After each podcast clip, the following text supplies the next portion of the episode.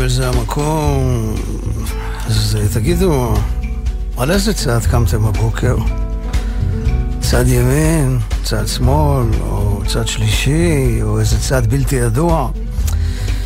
אני אגיד לכם, מאיזה צד שלא תסתכלו על זה, אני מרגיש שאנחנו חייבים עכשיו זריקת עידוד.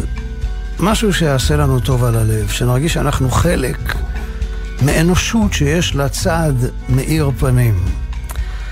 אז uh, מספרים שהקדוש ברוך הוא כינס את מועצת מלאכיו רגע לפני שברא את העולם והאדם ושאל מה דעתם. והרוב במועצה היו נגד. אמרו, אתה יודע מה? ריבונו של עולם, תברא את העולם, אבל אדם? בשביל מה? פרבוס, הוא יעשה מלחמות, הוא יקים מפלגות, הם יתכסחו כל היום. הוא ינהג כמו מטורף על הכביש, יזגזג, יעשה תאונות. בוג'ערס גדול האדם הזה, עזוב אותך. אבל ישב שם בצד מלאך אחד עם כנפיים פסיכדליות צבעוניות, המלאך מוסיקאל. והוא אמר, לא, אני חושב שכדאי לברוא אדם, אבל לתת לו את האפשרות לנגן.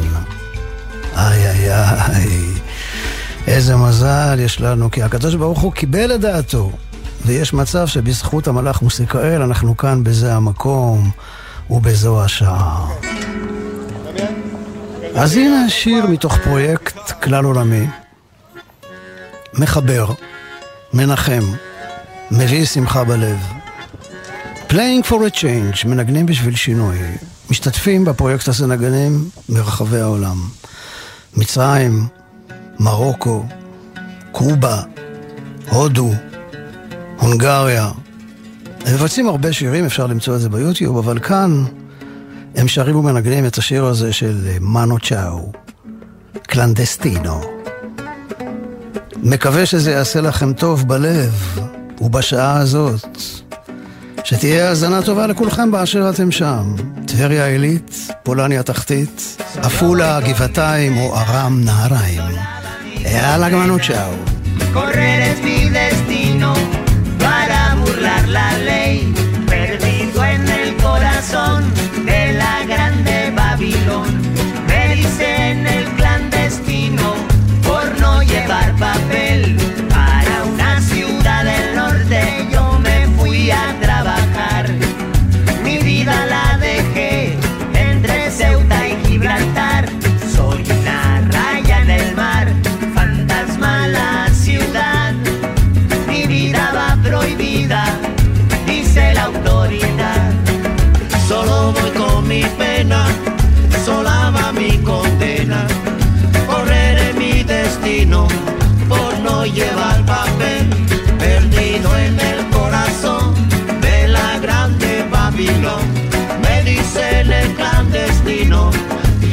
soy el quebra ley, africano, clandestino, colombiano, clandestino, y el cubano, clandestino, marihuana אילגל!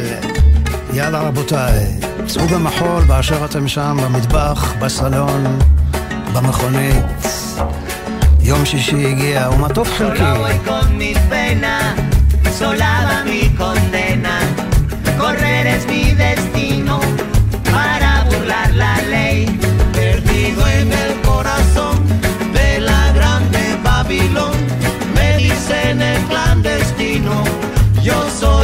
el quiebra ley. Africano, clandestino, colombiano, clandestino. Y el cubano, clandestino. Marihuana ilegal.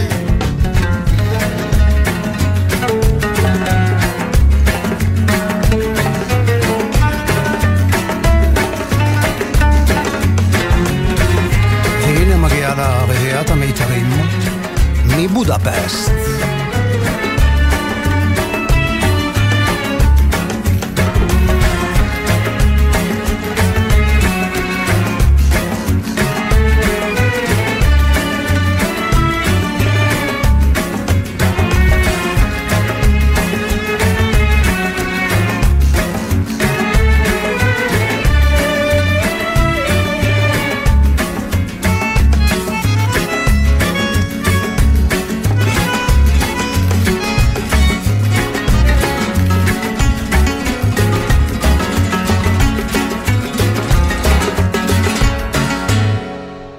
עד כאן הקפה הראשונה, קלנדסטינו. ועכשיו משהו על פרשת השבוע שלנו, חיי שרה. כשאברהם אבינו בא אל בני חטא, הוא לא אומר להם, יאללה זוזו מכאן הצידה ותנו לי את מערת המכפלה עכשיו. כי הקדוש ברוך הוא הבטיח לי את הארץ הזאת. לא. באופן מפתיע הוא נוהג ממש להפך. הוא בא ואומר להם, גר ותושב אני עמכם. כלומר, אתם אדוני הארץ ואני הזר. אני קודם כל גר ואחר כך תושב. אברהם נוהג כאן בענווה גדולה. הוא משתחווה אל מול עם הארץ, אל מול בני חטא, משתחווה פעמיים. הוא רך כקנה ולא קשה כעץ. הוא יודע בדיוק מה הוא רוצה. הוא רוצה את מערת המכפלה, אולי כי הוא מרגיש שהיא מעבר לממד אחר, אבל הוא מסגל לעצמו טקטיקה מאוד נבונה של הליכה בדרך לא כוחנית, אלא מכבדת. הליכה בדרך של משא ומתן ולא השתלטות כוחנית. והטקטיקה הזאת ממש עובדת טוב בשביל המטרה שלו. בני חטא, חטא, כן, חטא, אה, חטא ותף, מכירים בגדולתו הרוחנית, קוראים לו נשיא אלוהים, ומוכנים לתת לו מה שיבקש. אבל גם כאן הוא לא רוצה לקבל מתנת חינם, הוא רוצה לקנות את המקום בכסף מלא. הרב דוד ביגמן, רב ישיבת מעלה הגלבוע, בספרו יודוך רעיוני, אומר שאברהם מרגיש זר בארץ כנען, ואפשר גם לראות את זה כשהוא מבקש מאליעזר, עבדו, שילך להביא כלה ליצחק, מחרן, הוא קורא עדיין לחרן ארצי ומולדתי. אה, הרב ביגמן אומר שנדמה כי מסכת חייו של אברהם אבינו בטרגדיה יסודה. כל חייו הוא נודד, ואינו זוכה לקבוע יתד בארץ המובטחת, בגלל שהוא נושא איתו את בשורת המונותאיזם, הוא מצוי במסע תמידי. בכל מקום הוא נותר זר ובליבו געגוע אל בית מולדתו. ומעלה הרב ביגמן את ההשערה שאולי תחושת הזרות הוא המחיר הבלתי נמנע של המהפכנות המחשבתית. אגב, בהמשך התוכנית אנחנו נדבר על מהפכן מחשבתי שגם היה נווד, שחי במאה ה-16, נולד בכרתים ונפטר בפראג, הישר מקנדיה. אבל עכשיו, אנחנו כאן אורחים לרגע. הביטו סביב. זאת לא המסיבה שלנו. זאת לא המשאית שלנו. זה לא הפעמון שלנו. וכן, זאת לא המערה שלנו. הגאווה והגדולה לחי עולמים. אנחנו כאן חולפים כגרים זרים, צלליות זמניות על מסך התכלת האינסופי. יש רק אדון אחד שאפשר לומר שכל העסק הזה שייך לו. והוא נעלם. אמנם כבודו מלא עולם, אבל אפילו משרתיו שואלים, איה, איה מקום כבודו להעריצו. אל מסתתר בשפריר חביון. השכל הנעלם מכל רעיון. עילת העילות מוכתר בכתר עליון. כתר יתנו לך, אדוני. ואנחנו שומעים כאן את uh, פרויקט חיבת הפיוט, בפיוט אל מסתתר.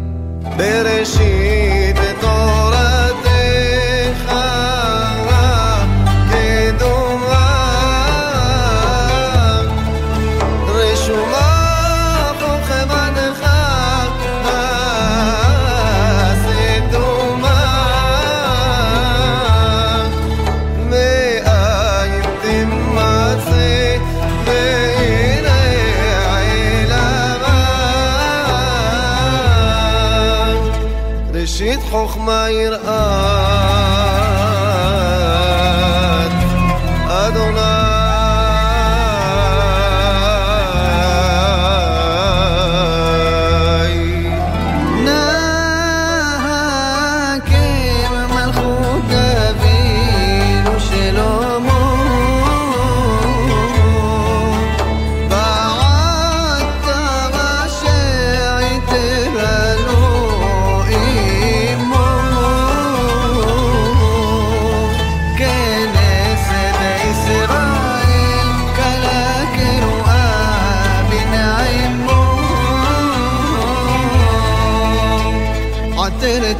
beyond.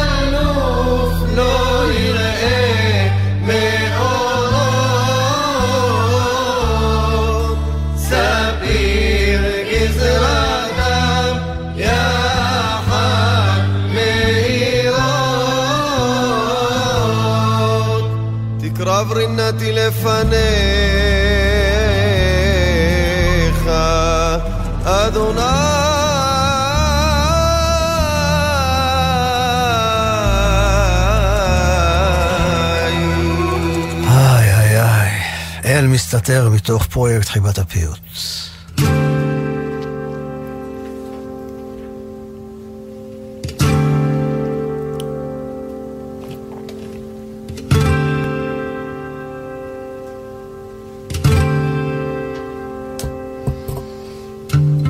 בשבוע שעבר דיברתי כאן בהרחבה על דמות המופת של הרב אברהם מפלגון, שהיה הרב הראשי של כרתים במשך 50 שנה.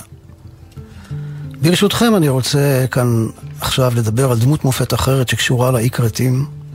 האיש המסתורי, הנווד המלומד, המקובל, הרופא, המוזיקאי, הפילוסוף, המדען, יוסף שלמה דלמידיגו, כלומר יוסף שלמה הרופא, מכונה גם הישר מקנדיה. ישר זה ראשי תיבות של יוסף שלמה רופא, וקנדיה הוא שמה הקדום של הרקליון בירת כרתים. אני נתקלתי בשמו לראשונה בספרו של הרב הנזיר, דוד הכהן, כל הנבואה, ובגלל שהשם כרתים כבר אז ניגן אצלי על מיתרים בעומק הלב, יצאתי למסע חיפוש בעקבות הישר מקנדיה, ומה אני אגיד לכם, הגעתי רחוק. אז המסע שלנו עם דלמי דיגו מתחיל בהרקליון בירת כרתים, שם נולד בשנת 1591 למשפחה של רבנים. זוהי המאה ה-16, ובאיטליה יש רנסאנס של לימודי מדעי, מוזיקה, אסטרונומיה.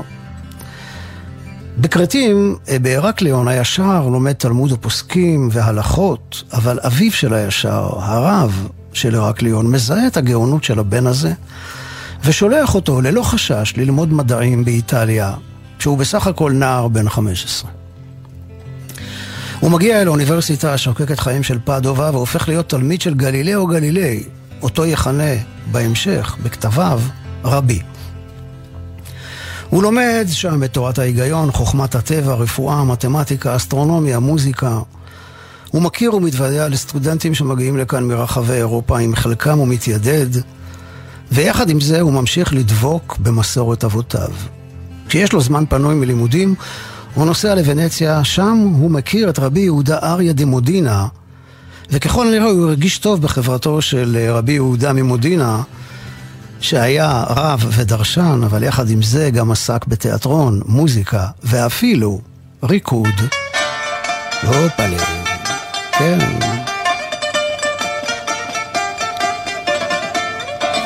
אז אני לא יודע בדיוק מה הם רקדו שם בוונציה במאה ה-16, אבל זה בכל אופן מוזיקה מתאימה לכרתים וליוון באופן כללי.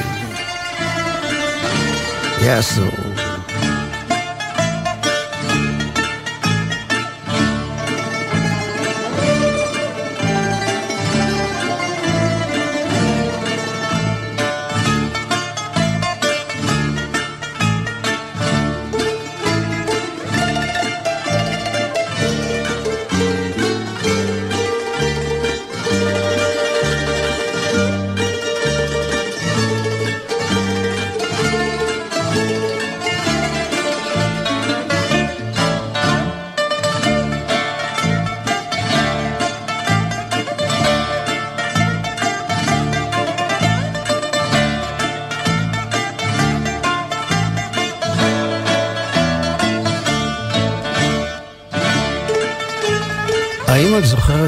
יקירתי, את מועדון הרמבטיקו על ראש הגבעה בסקופלוס?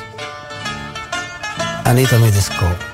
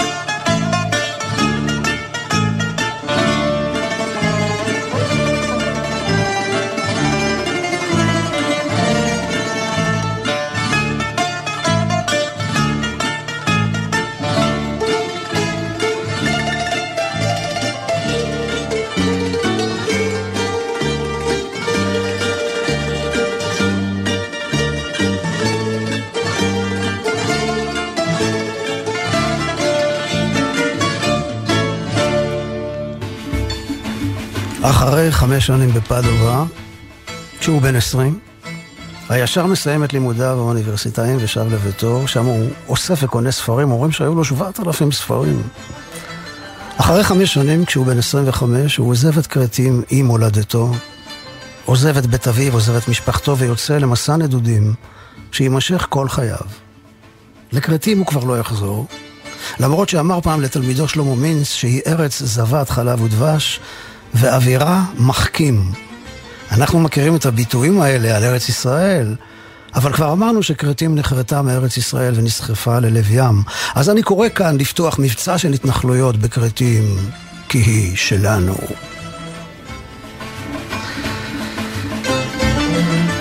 אמנם הייתה בלב הישר אה, חרטה שעזב את בית אביו. הוא סיפר שראה אה, חלומות נבואים ונפלאים, ומדי פעם הוא ראה את אביו בחלום, ואז ידע שהוא עומד לבוא עליו צער, או איזה משהו מסוכן, אבל הוא ינצל ממנו בזכות אביו.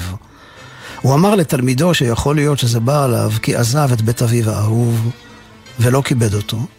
למרות שהאבא השקיע בו זמן וממון, עיצב את נפשו הצעירה ולימד אותו תורה ואומנות. בשנת תשי"א, 1951, יצא בהוצאת עלי עין ספר בן 40 דפים על יוסף שלמה דלמידיגו הישר מקנדיה. כתב את הספר דוקטור דוד אריה פרידמן, שהיה רופא עיניים וסופר, וזאת הוא עשה לכבוד 360 שנה להולדתו של הישר מקנדיה, שנולד ב-1591, והספר יצא ב-1951, שזה אותו דבר רק בשינוי ספרות. פרידמן הניח בתחילת הספר את המשפט מספר משלי, כציפור נודדת מן קינה, כמוטו לסיפור חייו של דלמידיגו. שהוא הציפור הנודדת, והקן הוא האי כרתים, שם נולד וגדל.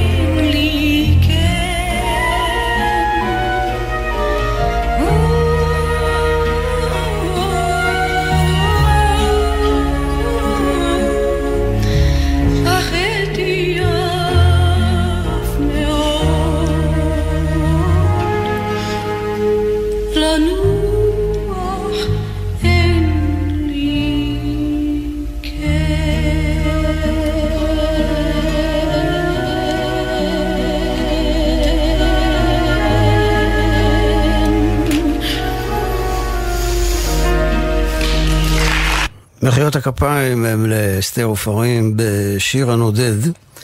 אה, קיבלתי כאן תיקון ממרקו, אני רוצה להודות לו. אני אמרתי רבי אריה יהודה ממודינה, אבל צריך, אה, השם הנכון הוא רבי יהודה אריה ממודנה. כמובן מודנה, למה מודינה? בכל אופן, תודה מרקו. אז מה גרם לו, הישר מקנדיה, לקום ולנסוע, לעזוב את כרתים ולא לחזור אליה יותר אף פעם? האם הוא שמע את הקריאה כמו אבינו אברהם, לך לך מארצך ומולדתך ומבית אביך אל המקום אשר אראך. היה לו כנראה דחף נדודים בלתי נשלט, האם חיפש אחרי איזה אוצר אבוד שהאמין שמחכה לו אי שם במעלה הדרך? ככל הנראה הייתה לו נפש סוערת, שואפת אל המרחב, לא מוכנה להסתגר ולהישאר בקיבעון מחשבתי או גיאוגרפי. כל הזמן חיפש אופקים חדשים, בילה ימים רבים בכרכרה נוסעת מעיר לעיר כשהוא לומד וכותב תוך כדי נסיעה, חי בבדידות כנווד במשך 27 שנים. התחנה הראשונה שלו הייתה במצרים, כאן הוא נפגש עם ראש העדה הקראית, יעקב האלכסנדרוני. הקראים סקרנו אותו, ולמרות המחלוקת הגדולה שלהם עם הממסד הרבני, הוא יצר איתם קשר, ואחד מהם, זרח מטרוקי, הפך להיות ידיד קרוב שלו. אומר כאן בסוגריים, שהקראים זו כת שנוסדה בתקופת בית שני, הם האמינו בתורה שבכתב ולא בתורה שבעל פה, ולכן התנתקו מהזרם המרכזי של היהדות. אבל הישר, בחשיבה הפתוחה והנועזת שלו, לא היסס ליצור איתם קשרים, למרות שהאמין לחלוטין בדרך אבותיו המסורתית. הוא גם לא חשש להיות בקשר עם החכם הנוצרי סיקטינוס, ולהתכתב עם המלומד הנוצרי הפולני יאן ברוז'ק. וזה בעיניי מעיד על אדם בעל אמונה פנימית חזקה, שלא מפחד כלל להיות בקשר עם השונה והאחר. ואל האולפן ביפו, הישר מן הגליל העליון, נכנסים בצעתי דבקה, חבריי האהובים והיקרים, ג'ורו סמען וסלם דרוויש, והם אומרים, לאט עטב עליי, אל תאשימו אותי. הירח השם, blame it on the moon. تعتب علي أخرت القمر طلعتنا هني طلع السهر يا خجلة عيني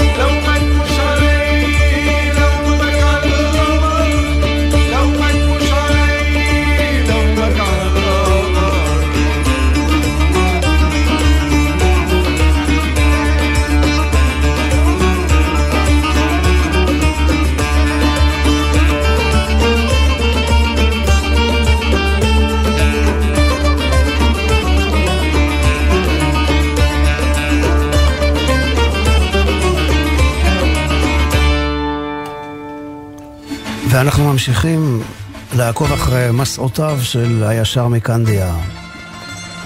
ממצרים הוא נודד לטורקיה, שם הוא רוכש ספרי פילוסופיה ונפגש עם ראשי הקראים, מתחיל לעסוק בתורת הקבלה. אבל זה לא נגמר שם. אחר כך הוא נודד לליטא. הוא מתחיל לעסוק שם ברפואה, שזה המקצוע שלו. הופך להיות הרופא האישי של נסיך ליטא. בימים הוא עובד כרופא, בלילות עוסק בלימוד תלמוד, קבלה ומחקר. אבל גם שם, זו לא התחנה האחרונה שלו. הוא ממשיך משם להמבורג, שם הוא הופך להיות רב ואב בית דין ודרשן בקהילת הספרדים. אבל פורצת שם מגפה בשכונת מגוריו, ולכן הוא משנה מקום ומגיע לגליקשטט, שזו עיר חדשה בצפון מזרח המבורג. אבל גם שם הוא לא משתקע לאורך זמן, כיוון שלא היו בעיר הזו יהודים רבים, אז הוא עוזב ומגיע לאמסטרדם. באמסטרדם הוא משמש כרב ודרשן במשך שלוש שנים. כאן יוצאים לאור בדפוס כמה מספריו, ובראשם ספר אילים. על השקפת עולמו המורכבת, החידתית, השנויה במחלוקת, כפי שהיא משתקפת בכתביו, נכתב לא מעט על ידי חוקרים שונים. וכאן, בזה המקום, זה לא המקום להתעמק בסוגיה הזו, כמו למשל, מה היה יחסו האמיתי של הישר מקנדיה לקבלה? האם בז לה, או העריך אותה? וכל הרוצה להרחיב, ירחיב, והשם ירחיב את ליבו. התחנה הסופית של הישר היא פראג. הוא התכוון להמשיך משם לארץ ישראל, אבל נפטר בשנת 1655 כשהוא בן 66 שנים. נטמן בבית הקברות היהודי העתיק, אבל נשמתו הגיעה אל הארץ המובטחת של מעלה. נפשי לבית אל נחשפה גם קלטה, גם בחלומות לחזות עלתה, עלתה רוחה, כי חלום לא יחלים נפש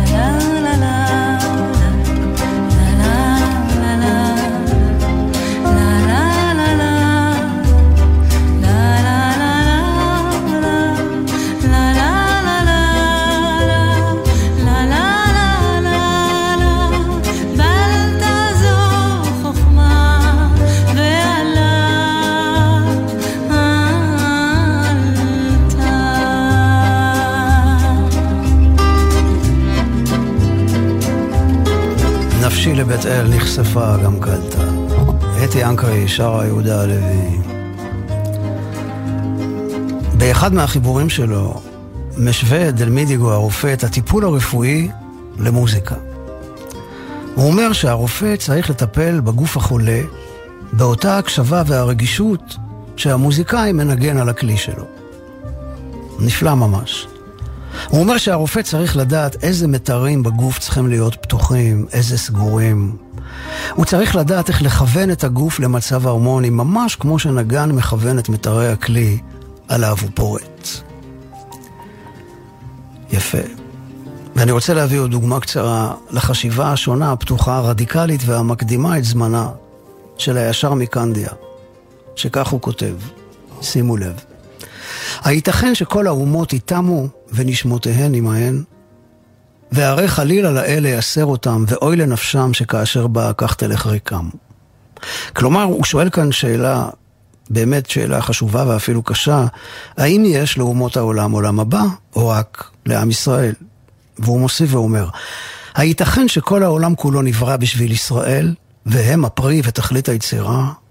וכל שאר בני האדם שבכדור הארץ, באסיה, אפריקה, אירופה והעולם החדש, הם כריבוי מיני החיות, העופות והדגים, ואין להם מקום, אין להם מקום בהתקשרות שיש לישראל עם העליונים? הייתכן? ככה שואל הישר מקנדיה. והוא הקדים את זמנו גם בכך שהוא הבין שיש באוויר גלים אלקטרומגנטיים שיכולים להעביר מידע. המדען הבריטי מייקל פארדיי דיבר על זה לראשונה במאה ה-19, והוא פתח כיוונים ושבילים חדשים לחוקרים ומדענים שהמציאו את הרדיו, הטלגרף ואחר כך את כל התקשורת האלחוטית. כן, המחשב, הטלפון הסלולרי, הווייזלה וכולי וכולי. והנה כך כותב הישר כבר במאה ה-16. הנה יש לי לחקור חקירות גדולות על האוויר הזה המסבב אותנו, שהוא נפלא מאוד. תראה כמה דברים עוברים בו ברגע אחד, ואין אחד מעכב חברו. קולות וריחות, ומוחשים שונים נפגשים זה בזה. והוא בוקע הכתלים ועובר את הקירות העבים, עם היות כל החלונות והנקבים סתומים.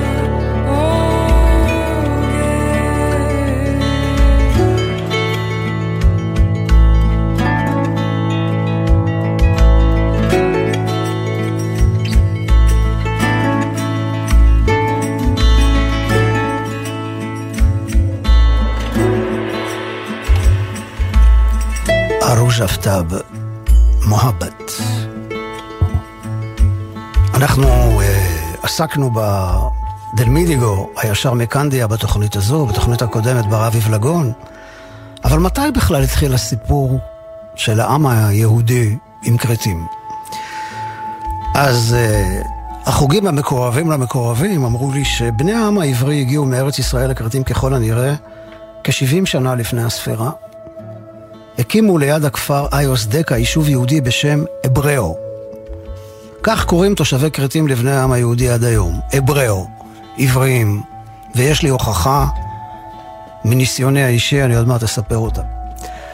הרב אברהם אבלגון מספר, מרחק מהלך יום אחד מהרקליון בכפר איוס דקה, שפירושו עשרה צדיקים, יש מקום מוקף גדר אבנים, מדלת רוחותיו, ושם קבורים עשרת הצדיקים, וקבלה בידם של תושבי המקום, כי הם מגדולי ישראל. ולא רחוק משם יש כפר אחר הנקרא מטרופוליט, ותושב הרקליון, איש ששמו יוסף פורטיש, אולי פורטיס? אולי זה סבא רבא של פורטיס? בכל אופן, אותו איש, יוסף פורטיש, העיד שראה שם בשדה שרידי מצבות עתיקות בכתב עברית אשורית. thank you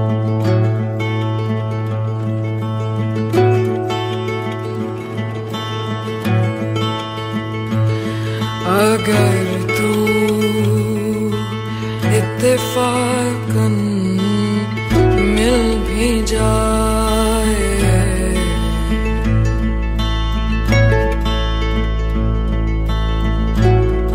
בין כרתים לארץ ישראל מפרידים רק מי הים. ומספרים, סיפור אמיתי, על אדם בשם משה משה, שחי בכרתים במאה החמישית לספירה. ובחזיון הלילה חלם שיש שביל מקשר בין כרתים לארץ ישראל. וחשב לתומו, שכשם שבקע הקדוש ברוך הוא את הים למשה ובני ישראל, כך הוא ישיג לאחור את מי הים ויגלה את השביל המוביל מכרתים לירושלים. אז הוא הצליח לשכנע חלק מבני הקהילה היהודית הקטנה של עיר הנמל הרקליון ללכת בעקבותיו. כמה עשרות מהם נכנסו איתו אל הים והתחילו ללכת אחריו לכיוון ארץ ישראל. אבל הים לא נבקע בפני משה משה איש כרתים. המזל הגדול שרוב חסידיו שהלכו אחריו ניצלו על ידי דייגים מקומיים.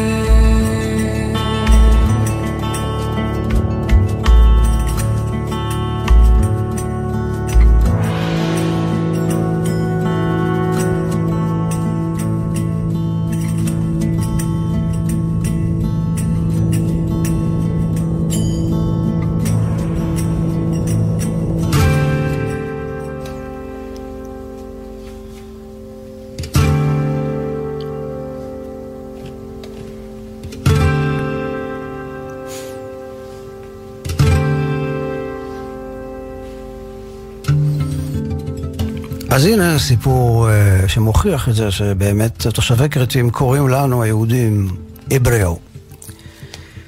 Uh, בשנת uh, 77 אני ביליתי קיץ בכרתים ועבדתי שם בקטיף ענבים אצל איזו משפחה שהבית שלהם היה רחוק בקצה הכפר ואני הוזמנתי על ידי העיקר לבוא ולישון אצלם בבית כדי שנתחיל מוקדם בבוקר את העבודה והוא הוביל אותי בסמטאות חשוכות על, על הבית הקטן שלו. אה, בני המשפחה כבר הלכו לישון, מסביב הייתה דממה מוחלטת.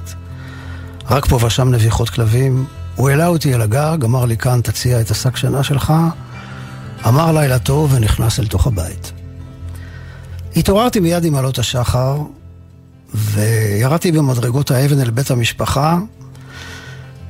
אשת העיקר יצאה אליי, הגישה לי ספל גדול עם קפה שחור וריחני ושאלה, ליגו גלה?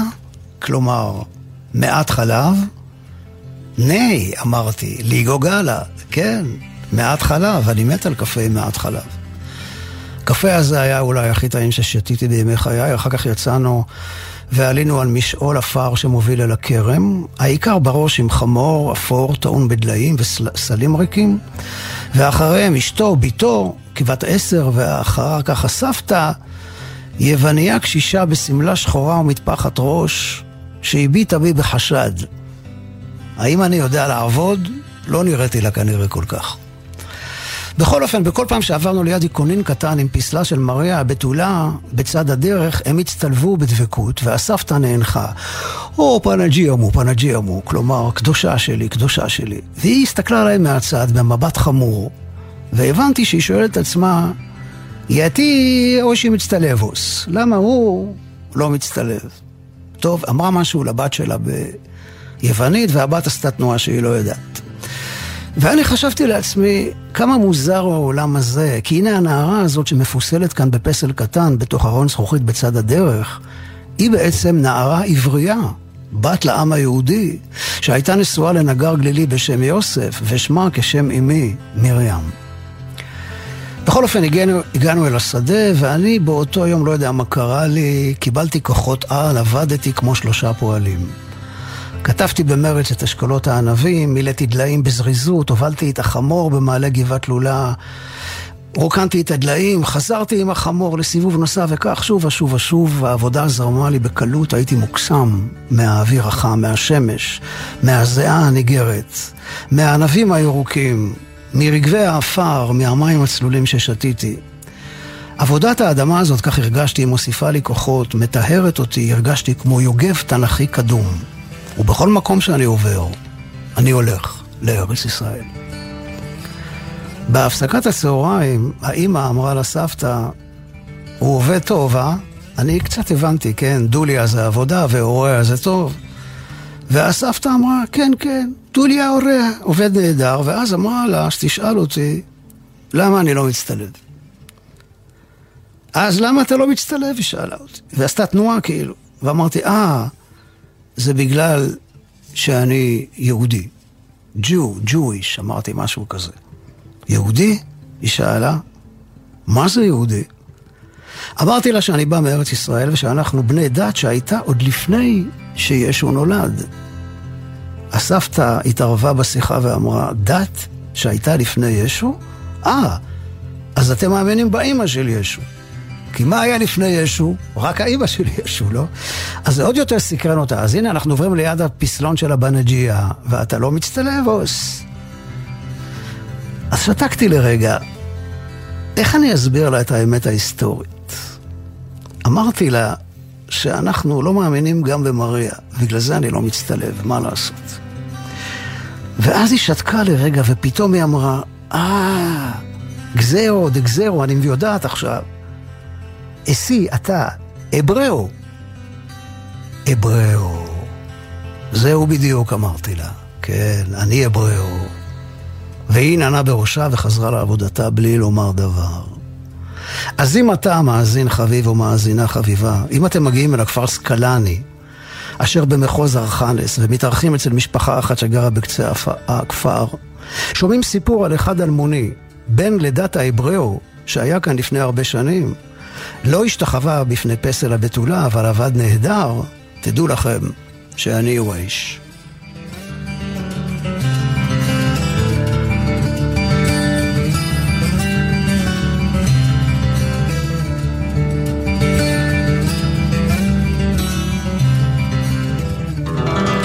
אז הנה שיר אבראו נפלא של חנה סנש. של אחד הגולות, הקולות הגדולים והנפלאים במוזיקה הישראלית.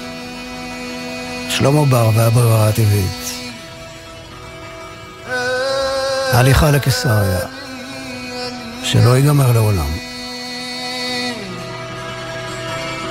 שלא, שלא ייגמר לעולם.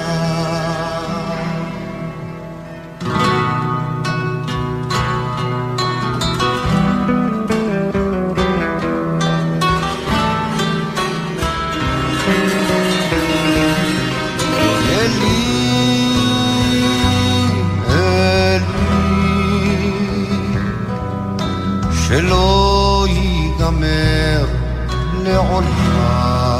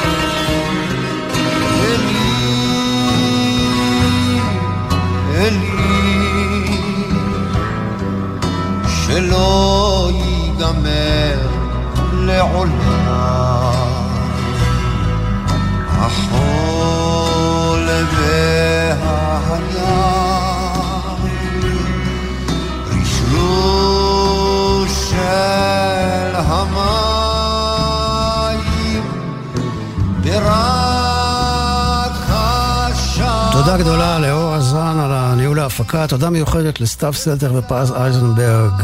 תודה רבה לדניאל שבתאי על הניהול הטכני. תודה רבה לכם על ההאזנה. אז אה, כן, שלא ייגמר לעולם. אבל בכל זאת, התוכנית הזו מסתיימת לה, ניפגש שוב שבוע הבא. סלמת של שבת לכולם.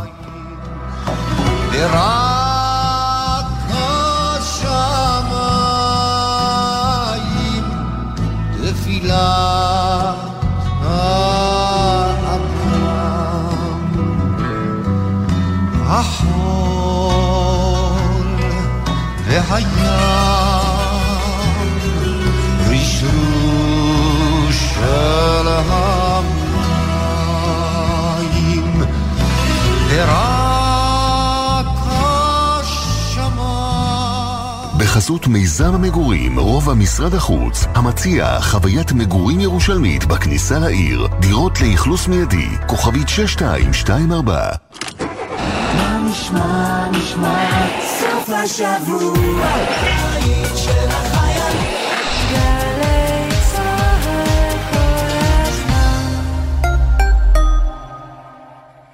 שלום, כאן גיא הוחמן, ורציתי לדבר איתכם היום על כלים חשמליים שחייבים לנהוג בהם. גיא, סליחה, אבל אומרים לרכוב. רוכבים על אופניים חשמליים או גלגינוע, קורקינט חשמלי. נשמה של ברבור, לנהוג. תאמין לי, לרכוב. מהארשמלו של האבא, גם לנהוג. כי כלים חשמליים בכביש הם כלי רכב, ולכן הנוהגים בהם חייבים לציית לכל חוקי התנועה והתמרורים. לא עוברים ברמזור אדום, לא נצמדים לרכב מצד ימין בצומת, ונוהגים תמיד בצידו הימני של הכביש. כי אם רוכבים בכביש, נוהגים לפי החוקים. כולנו מחויבים לאנשים שבדרך, עם הרלב"ד.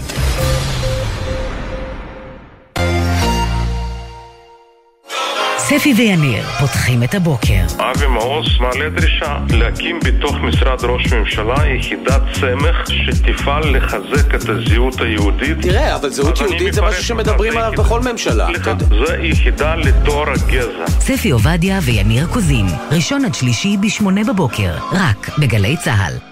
סוף השבוע מתנגן לי בגלי צה"ל. הלילה ב-10, יהונתן גריל ומאיה יהלום חוגגים את פתיחת גביע העולם בכדורגל. ב-11, מרים בלוך עם רגעי מוזיקה מהקולנוע לרגל פסטיבל סאונדטרק. ומחר, ב-7 בבוקר, בוא שיר עברי. יורם רותם מארח את חווה אלברשטיין לקראת זכייתה בפרס אגודת אומני ישראל.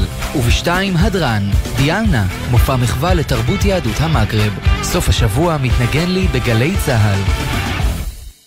שישי בשש, סוף סוף קצת שקט. אפשר לשמוע ציוץ של ציפור, רשרוש של עיתון, נחירות של שנץ. אבל כדאי לשמוע את שש בשישי. אנשי תרבות, חברה וספורט באים לאולפן גלי צה"ל עם שש תובנות, גילויים חדשים או סיפורים אישיים מהשבוע החולף. והשבוע, הדוקטור יופי תירוש. היום, שש בערב, גלי צה"ל. מיד אחרי החדשות,